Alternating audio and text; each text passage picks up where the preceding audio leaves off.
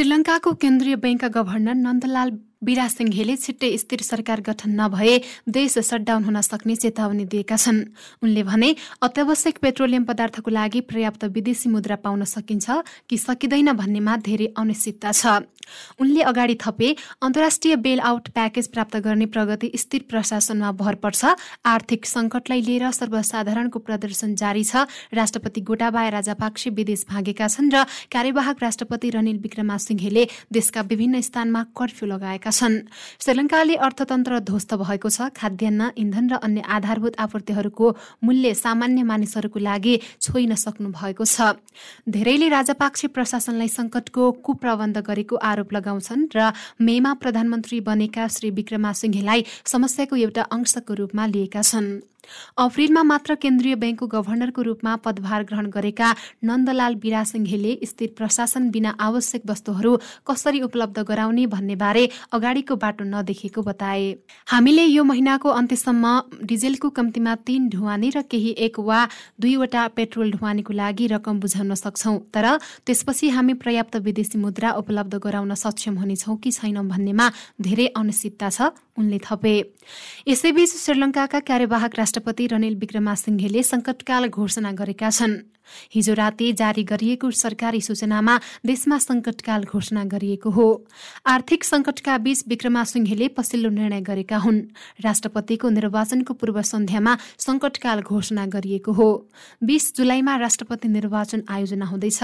देशमा यसै साता ठूलो विरोध प्रदर्शन भएको थियो। प्रदर्शनकारीले पूर्व राष्ट्रपति गोटाबाया राजापाक्से र विक्रमासिंहेको सरकारी निवासमा तोडफोड गरेका थिए। राजापाक्सेले देश छाडेर गएपछि विक्रमासिंहे कार्यवाहक राष्ट्रपति बनेका थिए।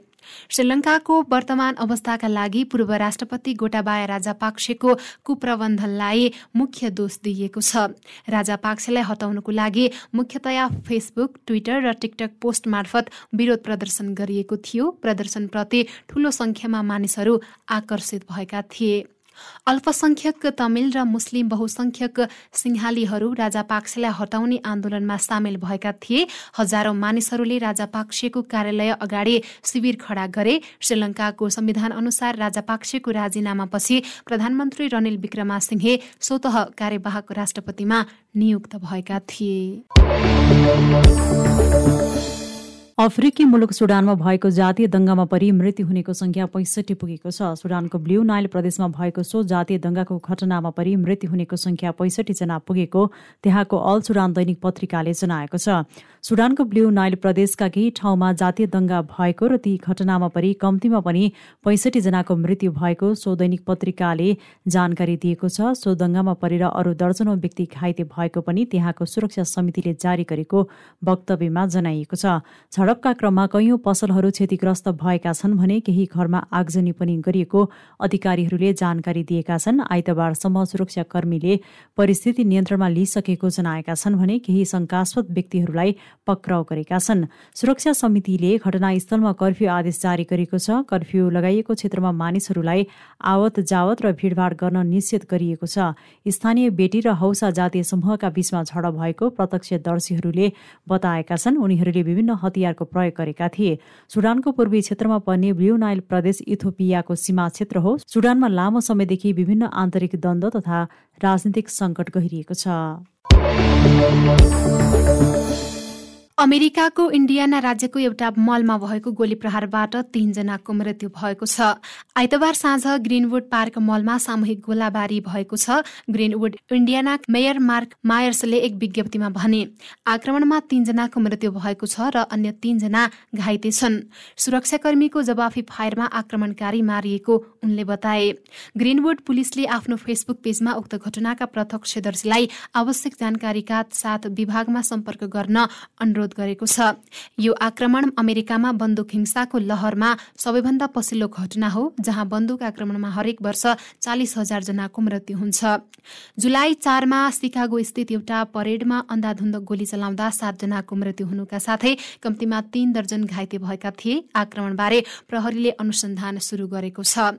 अमेरिकी तल्लो सदन हाउस अफ रिप्रेजेन्टेटिभ्सको एउटा समितिले हतियारमाथि प्रतिबन्ध लगाउने विधेयकमा बीस वर्षमा पहिलो पटक यसै साता मतदान गर्ने तयारी गरेको छ। ब्राजिलको अमेजन क्षेत्रको वन विनाश छ वर्ष यताकै उच्च भएको राष्ट्रिय अन्तरिक्ष एजेन्सी इन्पेले जनाएको छ। जनवरीदेखि जुनको बीचमा अमेजन क्षेत्रमा करिब तीन हजार नौ सय अठासी वर्ग किलोमिटर जमिन खाली गरिएको थियो। गत वर्ष सोही अवधिमा तीन हजार अठासी वर्ग किलोमिटर वन फडानी भएको थियो। वायुमण्डलबाट ठूलो मात्रामा हरित गृह ग्यासहरू सोसेर ग्रहको अक्सिजन र कार्बन डाइअक्साइड चक्रमा अमेजनले महत्वपूर्ण भूमिका खेल्छ। वातावरणविदहरू बढ्दो वन फडानीको दोष ब्राजिलका दक्षिणपन्थी राष्ट्रपति जयर बोल्सोनारोलाई दिन्छन्। उनले यसअघि सरकारले ल्याएका वातावरण संरक्षण नीति उल्ट्याएका छन्। ब्राजिल ब्राजिलको वातावरण मन्त्रालयले वातावरणीय अपराध विरुद्ध लड्न बाध्य भएको जनाएको छ।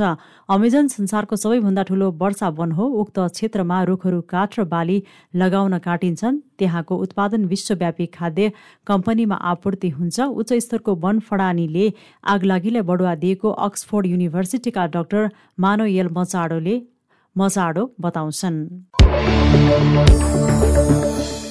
युक्रेनका राष्ट्रपति भोलोदिमिर जेलेन्स्कीले सुरक्षा सेवाका प्रमुख र राज्यका केही अभियोजकलाई देशद्रोह र रूससँग साँठगाँठ गरेको आरोपमा बर्खास्त गरेका छन्। सुरक्षा सेवाका प्रमुख इभान बाकानोभ र रुसी युद्ध अपराधको अभियोग निरूपण गर्ने निकायको नेतृत्व गर्ने अभियोजक जनरल इरिना भेनेडिक्टोभालाई बर्खास्त गरेका हुन्। उनीहरूले युक्रेन विरुद्ध रुस नियन्त्रित क्षेत्रहरूमा काम गरेका आफ्ना भूमिमा रुसी घुसपैठलाई अनदेखा गरेको राज्यको राष्ट्रिय सुरक्षालाई व्यवस्था गरेको लगायत आरोप राष्ट्रपति जेलेन्स्कीले लगाएका छन्। युरोपमा डडेलो फैलिएसँगै हजारौं मानिसहरू घर छाड्न बाध्य भएका छन्। भूमध्य सागरीय जंगलमा लागेको आगो फैलिएपछि मानिसहरू घर छाड्न बाध्य भएका हुन्। स्पेन क्रोसिया र ग्रिसमा पनि आगो फैलिएपछि फ्रान्सले दक्षिण पश्चिमको जंगलमा लागेको डडेलोबाट खतरामा परेका चौध हजार भन्दा बढी मानिसलाई सुरक्षित स्थानमा सारेको छ।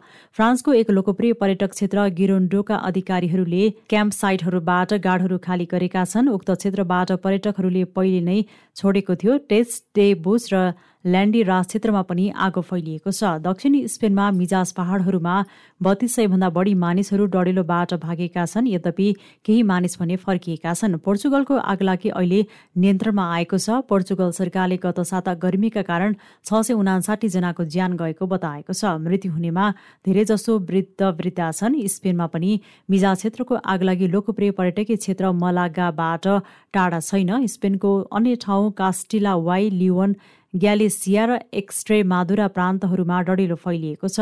आगो निभाउन भूमध्य सागर पश्चिममा मोरक्कोदेखि पूर्वमा क्रेटसम्म हजारौं अग्नि नियन्त्रकहरू र विमान तैनात छन्। मंगलबारदेखि सारा क्षेत्र चर्को गर्मीको प्रकोपमा परेको छ। चर्को गर्मीले वनस्पति सुकेका छन्। इरानका स्वास्थ्य मन्त्रीले देशमा कोभिड नाइन्टिनको सातौं लहर आएको जानकारी दिएका छन्। स्वास्थ्य मन्त्री बहराम एनोल्लाहीले देशमा कोरोना महामारीको सातौं लहर शुरू भएको बताएका हुन्। पत्रकार सम्मेलनको आयोजना गर्दै उनले देशमा कोरोना महामारीको सातौं लहर शुरू भएकाले थप सतर्कता अप्नाउन आग्रह गरेका छन्। उनले सबै इरानीहरूलाई कोभिड खोपको बुस्टर मात्रा लिन र महामारीबाट बच्नको लागि आवश्यक स्वास्थ्यका मापदण्ड अपनाउन आग्रह गरेका छन्। स्वास्थ्य मन्त्री बहरामले आइतबार पाँच हजार सात सय भन्दा बढी नागरिकमा कोभिडको संक्रमण देखा परेको र तेह्रजनाको मृत्यु भएको बताएका छन्।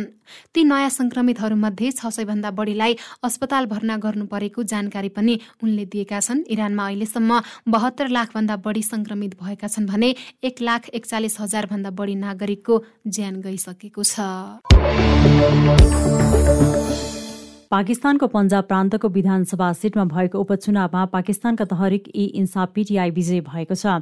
पाकिस्तान मुस्लिम लीग नवाज पीएमएलएनले पन्जाब विधानसभाको बीस सिटमा आइतबार भएको महत्वपूर्ण उपचुनावमा आफ्नो प्रतिद्वन्दीलाई विजयको लागि बधाई दिएको छ। आइतबारको प्रारम्भिक नतिजा अनुसार पीटीआई उम्मेद्वारहरूले मुल्तान डेरा गाजी खान शाहीवाला र खुवास प्रान्तीय विधानसभा सिटमा विजय हासिल गरेको छ जबकि पार्टीले प्रान्तका पन्ध्र निर्वाचन क्षेत्रहरूमा अग्रता लिएको एक्सप्रेस ट्रिब्युनले जनाएको छ। आफ्नो पार्टीको उपचुनाव अभियानको नेतृत्व गरिरहेकी पीएमएलएन उपाध्यक्ष मरिम नवाजले सत्तारूढ दलले चुनावी नतिजालाई खुला हृदयले स्वीकार गर्नुपर्ने बताएकी छन्।